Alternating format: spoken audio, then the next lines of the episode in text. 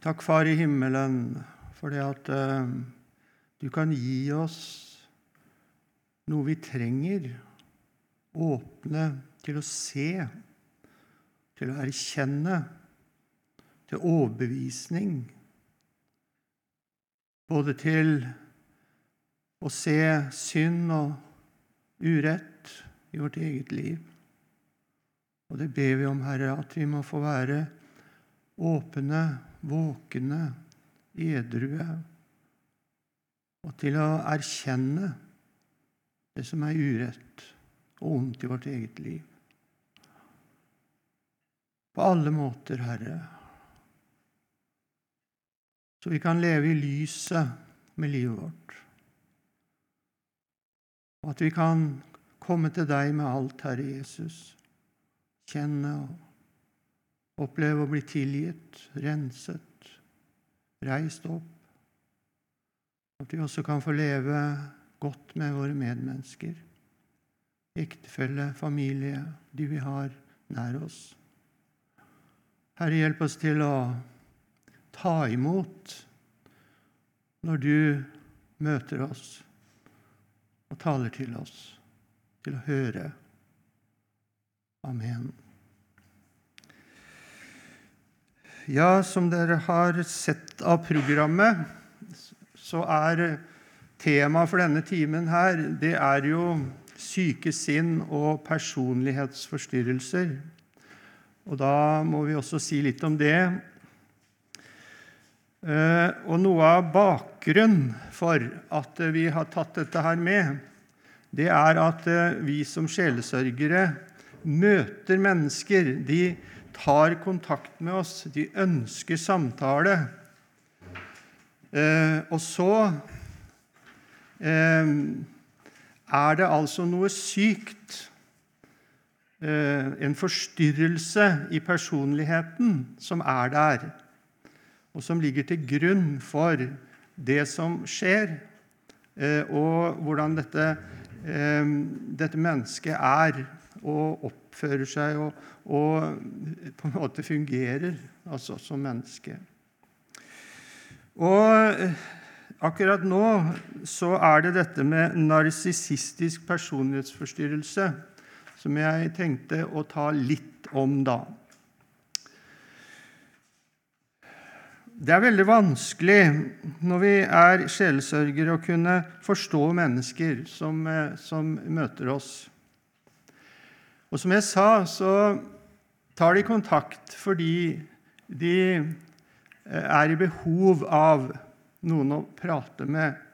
Og For noen så er det da sånn at de er i en dyp, dyp fortvilelse over sitt eget liv. Eh, du kan møte et menneske som er så dypt ulykkelig, og det er Du, du merker med en gang at dette her er, det er overdrevent. Det er unaturlig, det er usunt, det er ikke friskt, altså. Eh, det går liksom utover alle proporsjoner dette her, hvor forferdelig eh, de har det i livet sitt.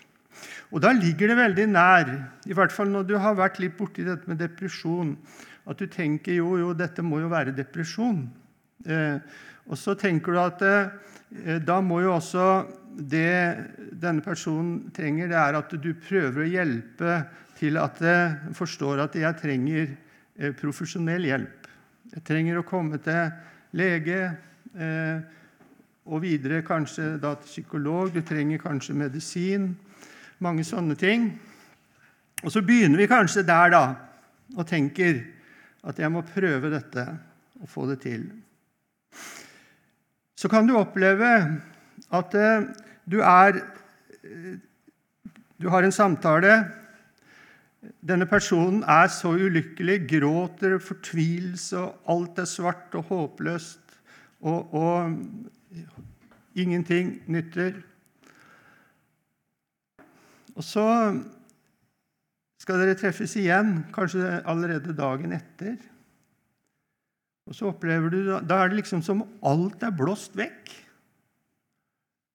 Og du, du, du stusser jo litt på det. det. det. der var merkelig, men ja, ja. Det må jo være depresjon, tenker du allikevel da. Eh, og den der tanken om at det, det kan vel være det. Men så opplever du det at det, For det første hvis dette, dette kan, Det går gjerne over lang tid, og du opplever at det, du kommer egentlig aldri videre. Det går hele tiden i sirkel. Og veldig mye av, eller det meste av tiden det handler om at den personen skal fortelle om seg og sitt liv, om sine problemer, om all den urett som de har opplevd, eh, og hvor forferdelig de har det, og hvor synd det er på dem.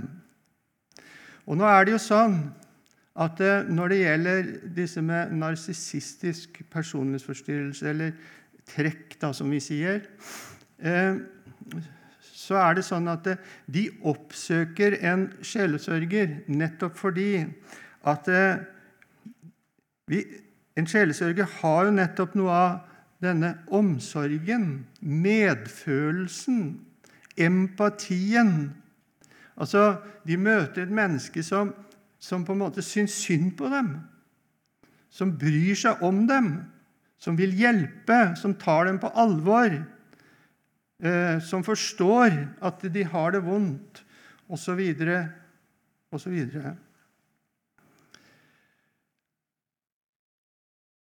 Men så opplever du altså det at eh, du kommer egentlig aldri videre. Det går bare rundt og rundt. Og Dermed så vil du etter hvert oppleve at du er fanga inn i noe som holder deg fast. Og så oppdager du det at denne personen er egentlig avhengig av deg. Du skal være til for denne personen. Du skal være til for at eh, du, du, på en måte fyller noe, eller gir noe, til denne personen som den absolutt vil ha. Og da er det sånn når det gjelder narsissistisk personlighetsforstyrrelse, så tenker vi jo gjerne på personer som er eh, har en veldig sterk selvopptatthet, selvsentrert, veldig fokusert på seg selv, og det er godt over gjennomsnittet. Eh, det handler altså om mye mer enn eh, vanlig egoisme. Eh, de er på en måte så ekstremt høyt oppe i forhold til seg selv. Den som har sagt det sånn at eh, når en narsissist ser seg selv i speilen, så ser han en unik, helt spesiell person som er noe liksom mye mer, eller noe mye eh, eh, bedre enn andre. Men når vi andre ser en narsissist, så ser vi et helt vanlig menneske. Ikke sant? Dette på en måte behovet for å være noe så veldig stort. Eh, behovet for å eh, kunne ha et sånt grandiost eh, bilde både av seg selv og fra andre mennesker. Jeg er noe helt spesielt. Um, men så er saken faktisk den at en narsissist han er noe Ikke bare det, men en narsissist har et ødelagt selvbilde. Han har en dyp dyp forakt for seg selv. Når du møter et sånt menneske i sjelesorg, så får du høre at de hater seg selv. Jeg er et håpløst menneske. Mange sånne uttrykk kommer, og du forstår ikke fordi de er så voldsomme, disse uttrykkene. Og, de kan gjerne komme med masse sånne uttrykk om at de, de, de er ikke verdt å leve, og de skal, de skal ta livet av seg sjøl. Det, er det er liksom helt bunnløst med, med denne selvforakten som de går med. Og så er det altså sånn at denne selvforakten, det er en stemme. Det er en selvbevissthet som de har her inne som er der hele tiden og arbeider, og, og på en måte er en sånn, en sånn selvbevissthet som er så sterk og levende. Og da er det nettopp på grunn av dette at de hele tiden eh, på en måte eh, forsøker å skaffe seg selv verdi gjennom andre mennesker. Altså, de skal skaffe seg selv eh, eh, egenverdi, betydning og alt dette her gjennom andre mennesker.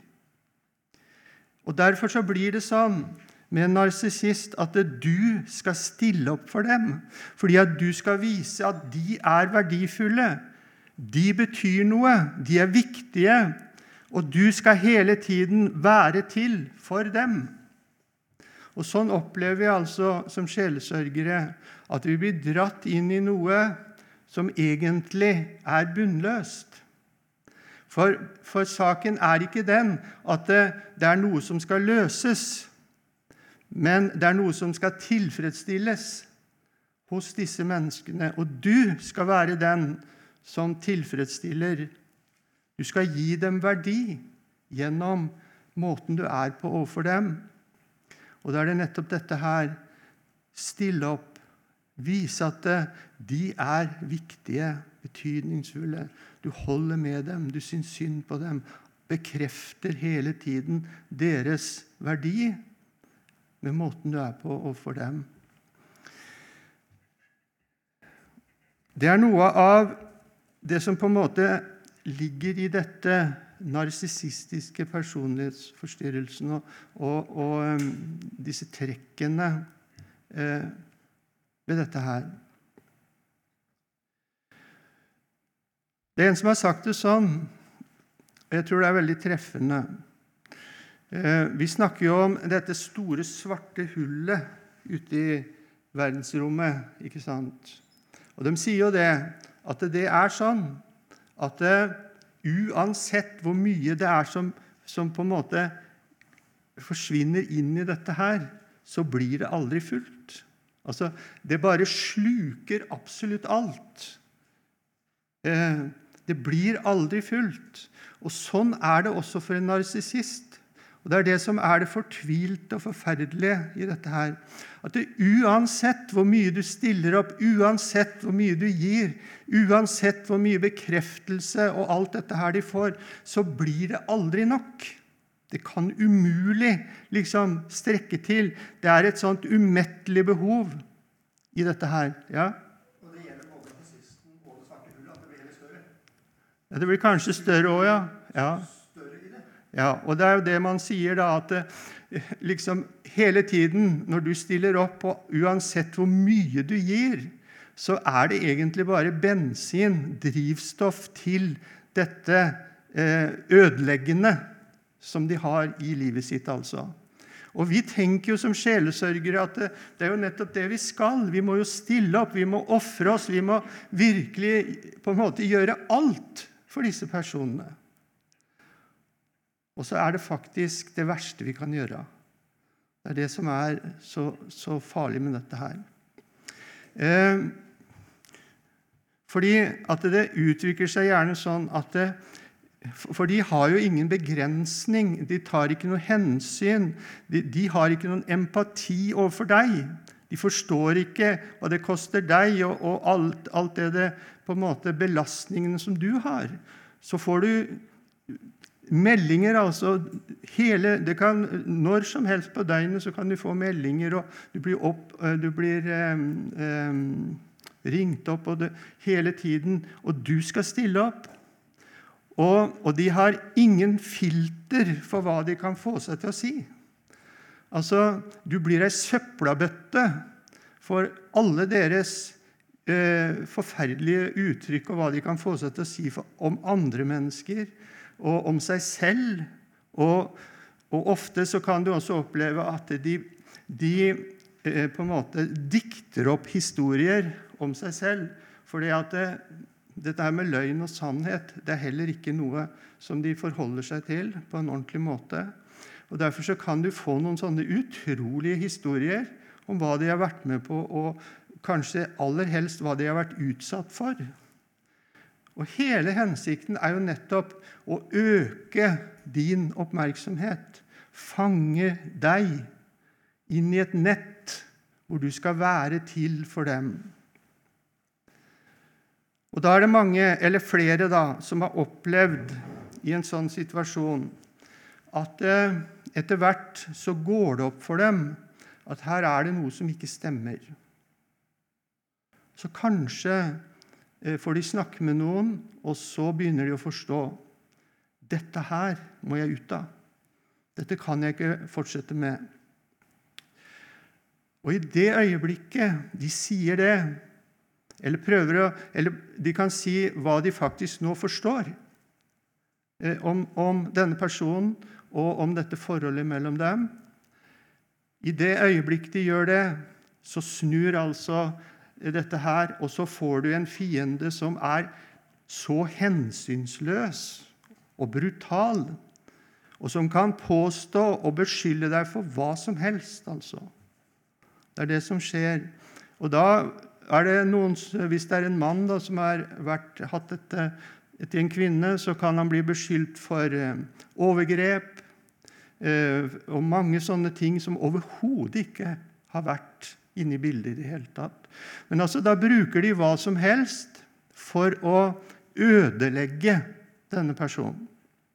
Og Samtidig så har de heller ingen skrupler og ingen begrensninger når det gjelder å baktale, spre rykter, bruke alle disse kontaktene og støttespillerne som de har i dette arbeidet med å ta denne personen, som er et offer, eh, blitt et offer for dem. da. Ja. Du snakket om at nå snakker vi om trekk til å begynne med. Mm. Nå er vi vel mer på forstyrrelser, kanskje? Ja, Det kalles for narsissistisk eh, personlighetsforstyrrelse. ja. Men så bruker vi ofte trekk, da, fordi at det, liksom, ingen er vel kanskje 100 da. Derfor så demper vi det litt med å si trekk. da. Vi kan bare ha et lite eh, Det som også eh, erfaringen min er at hvis noen av disse personene har et prosjekt eller annet, så er det slik at eh, du kan, det hull du snakker om, du kan veldig ofte bli brukt uten å være klar over det. Altså, Du kan bli innlemma, særlig kanskje en som Ja, du har en viktig oppgave, ikke sant? At du må ta fra dette her et problem ikke sant, som du må løse. Og du tror, når du får snakka, så tror jeg faktisk at det her er en som opptatt bryr seg om deg, bryr seg om en sak. ikke sant? Og så skjønner du etter hvert at jeg har jo latt meg bruke. Jeg har vært en marionett i en persons spill. Maktspill. Eh, og hvis du da oppdager det og sier at nei, dette her er ikke bra, dette vil jeg ikke være med på, da får du akkurat en reaksjon. Da er du en fiende. For livet. Ja. ja. Eh, som dere kanskje hørte i går, så, så nevnte Per dette her for eh, Ester Solberg.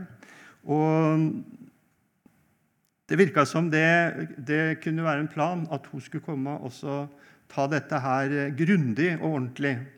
Når jeg nevner det her, så er det egentlig bare for å gjøre oppmerksom på at eh, vi må være våkne for at vi kan komme opp i en sånn situasjon. Og de få tinga jeg nevner her, det er bare noen sånne stikkord for hva, hva vi, hvordan vi kan kjenne det igjen og forstå litt eh, av at her er det noe, eh, noe fullstendig eh, eh, En sånn forstyrrelse altså, som, som, gjør at disse personene er dysfunksjonelle, er det ikke det vi sier? Eh, og, og her, her, her, kan vi ikke gjøre ting på en vanlig måte.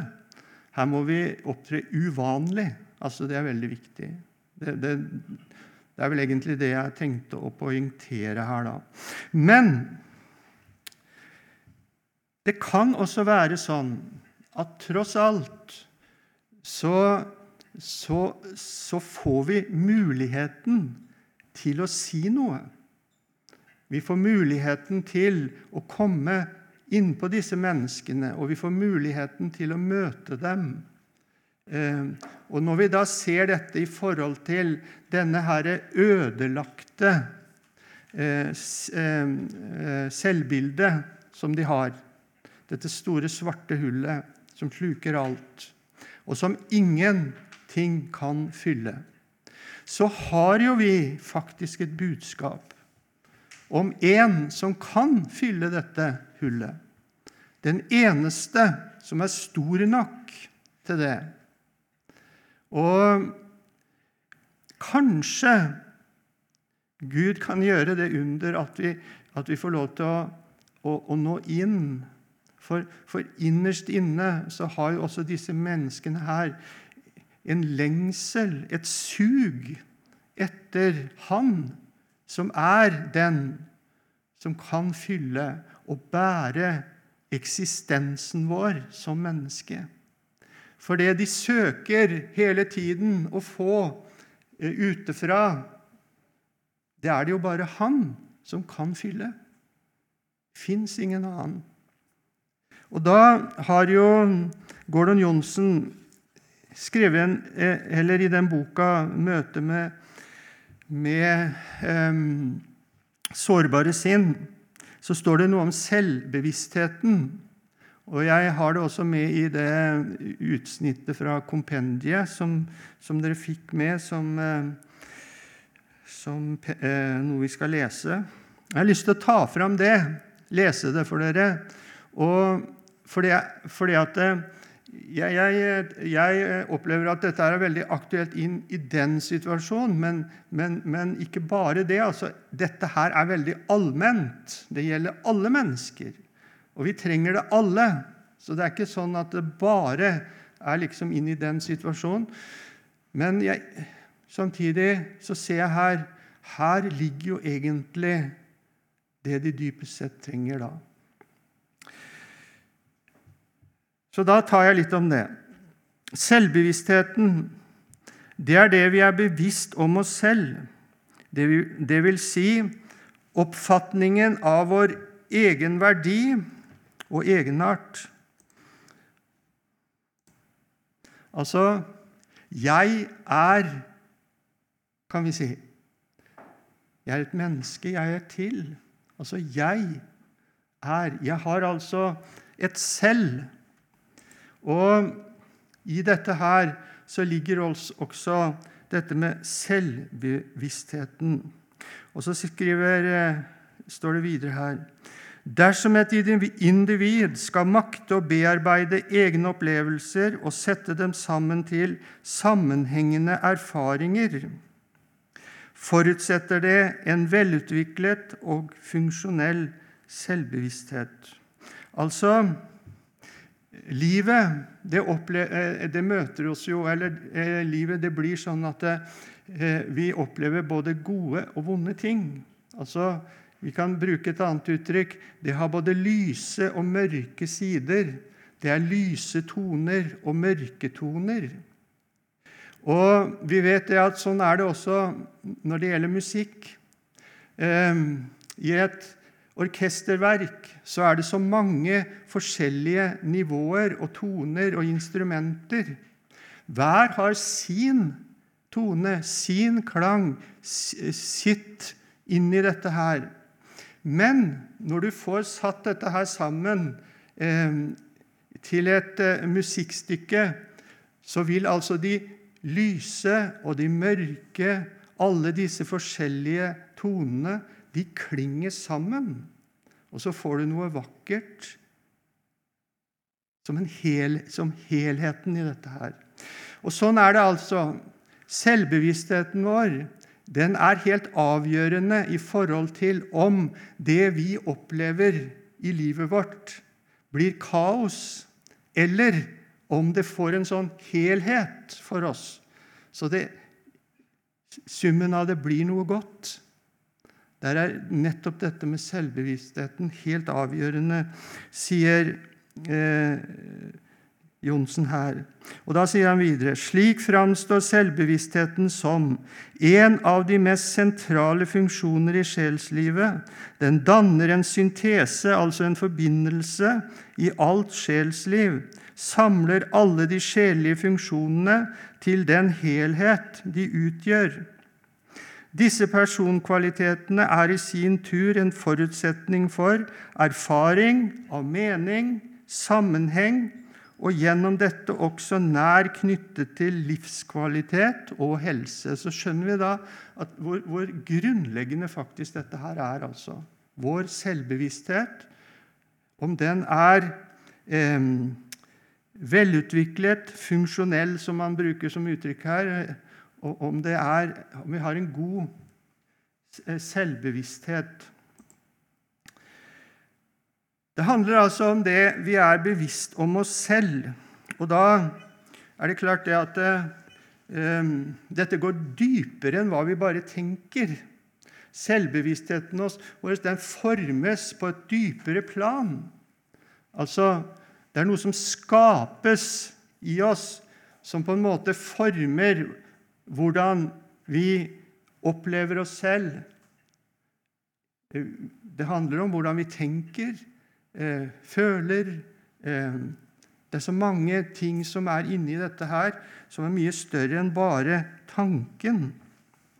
Og Da spør eh, eh Gordon Johnsen her hvilke prosesser i mennesket er det som har kraft til å forankre denne integrerende og syntetiserende funksjonen i personligheten. Hva er selvbevisstheten dypest sett forankret i?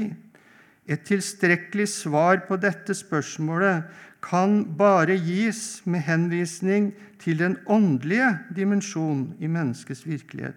Og Her ser vi da nettopp det som jeg mener er så riktig når det gjelder Gordon Johnsen, at han klarer å se mennesket ikke bare ut fra det psykologiske, men like mye det åndelige. Og han ser altså hvor viktig det er med helheten i dette i forhold til mennesket eh, og, eh, og helse, ikke bare fysisk, men også det åndelige livet. Ja, hvilke prosesser? Hva er det selvbevisstheten vår må være forankret i? Det er jo det han spør om her, da. Eh, hva er selvbevisstheten forankret i? Og Da nevner han flere ting her. Det holder ikke med henvisning til materielle ressurser. Det vil altså si det vi eier eh, penger, eh, eiendom, god økonomi Mange sånne ting. Skal vi se hvor langt er vi med klokka nå? Er det kvart over? Som, ja. ja. Det er jo det de aller fleste i dag har som forankring for sin selvbevissthet. Altså jeg er, jeg er viktig, betydningsfull, men ikke bare det. Jeg er trygg. Jeg har verdi. Hvorfor det? Jo, fordi jeg har. Ikke sant? Og så er det de materielle tingene som er forankringen for selvbevisstheten. Det samme kan man jo snakke om kroppens drivkrefter. Da kan du si liksom at jeg er et friskt, sunt, eh, eh, sprekt menneske og, og Kona mi jobber på en plass hvor det, hvor det, er en som jobber der, som alltid må snakke om alle treningsturene og alle, alt det hun er på treningsstudio og alt dette her. Ja, hvorfor det? Er det så viktig da? Altså, Det er noe mer enn bare det at du skal holde deg eh, i form. Altså, Det er på en måte selve forankringen for selvbevisstheten. Jeg er fordi jeg er så sprek. Det er sånne ting som også vi møter mye av. Kognitive kapasiteter, altså eh, hva jeg er i stand til sånn rent intellektuelt. Eh, jeg har evnen til å lære, til å utdanne meg, til å få meg en karriere.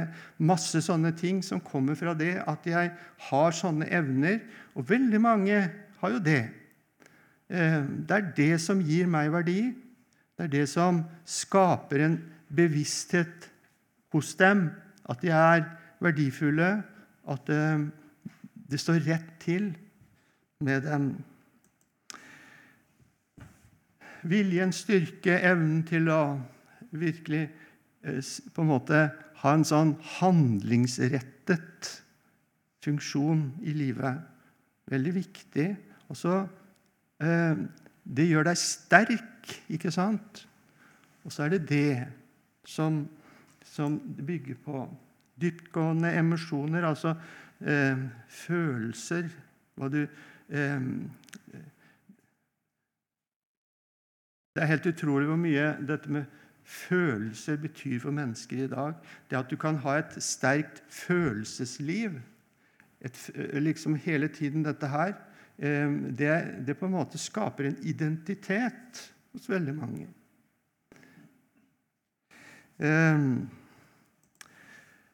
Så alt dette her er sånne ting som han da nevner.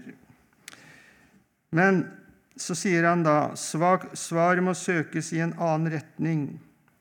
Det er her perspektivet en livstro og hvile i melder seg. Selvbevissthetens dypeste forankring er religiøs, og da er det ikke akkurat sånn allmennreligiøsiteten han snakker om. altså. Ingen må mistenke han for det. Det finnes til sist bare én mulig forankring for selvbevisstheten, og det er i relasjon til Gud. Hva kjennetegner den kraft som skaper en livstro og hvile i? Svaret finner Gordon Johnsen i kjærligheten. Det er kjærlighetens makt som gjør livet mulig.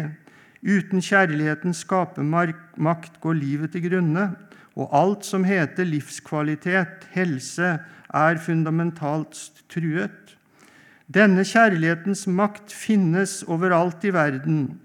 Nå ser du igjen denne bredden i Eh, tenkningen og forståelsen.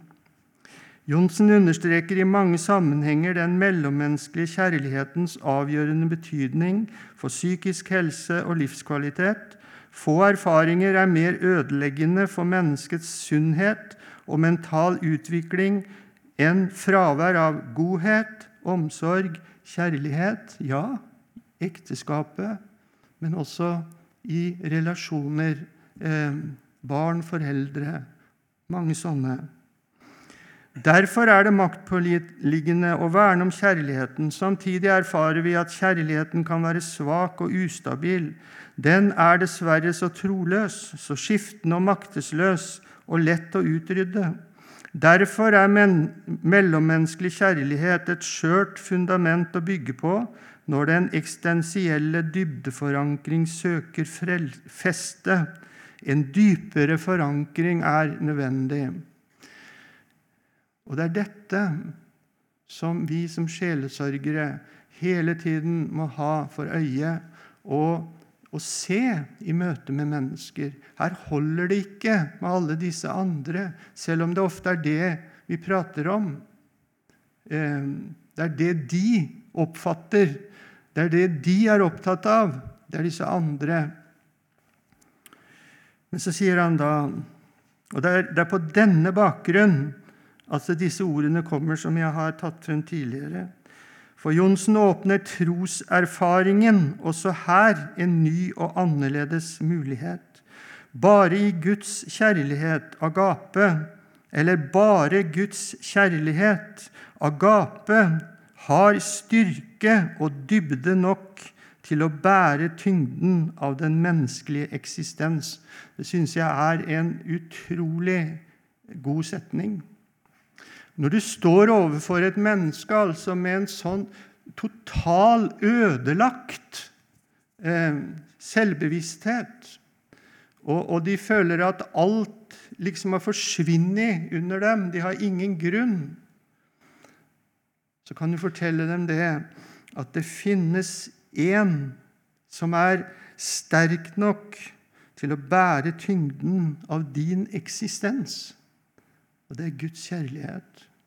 Og så Da kommer altså dette eh, som jeg tok tidligere. Fordi denne kjærlighet er en åndelig eksistensiell realitet som mennesket kan erfare, kan den også få avgjørende betydning som feste for trygghet og tillit når liv og helse er truet.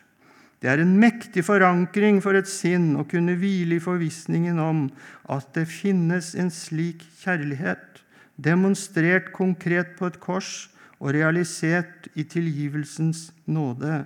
Hundretusener vil kunne vitne om hvilken sunnhetskilde denne tro har gitt dem.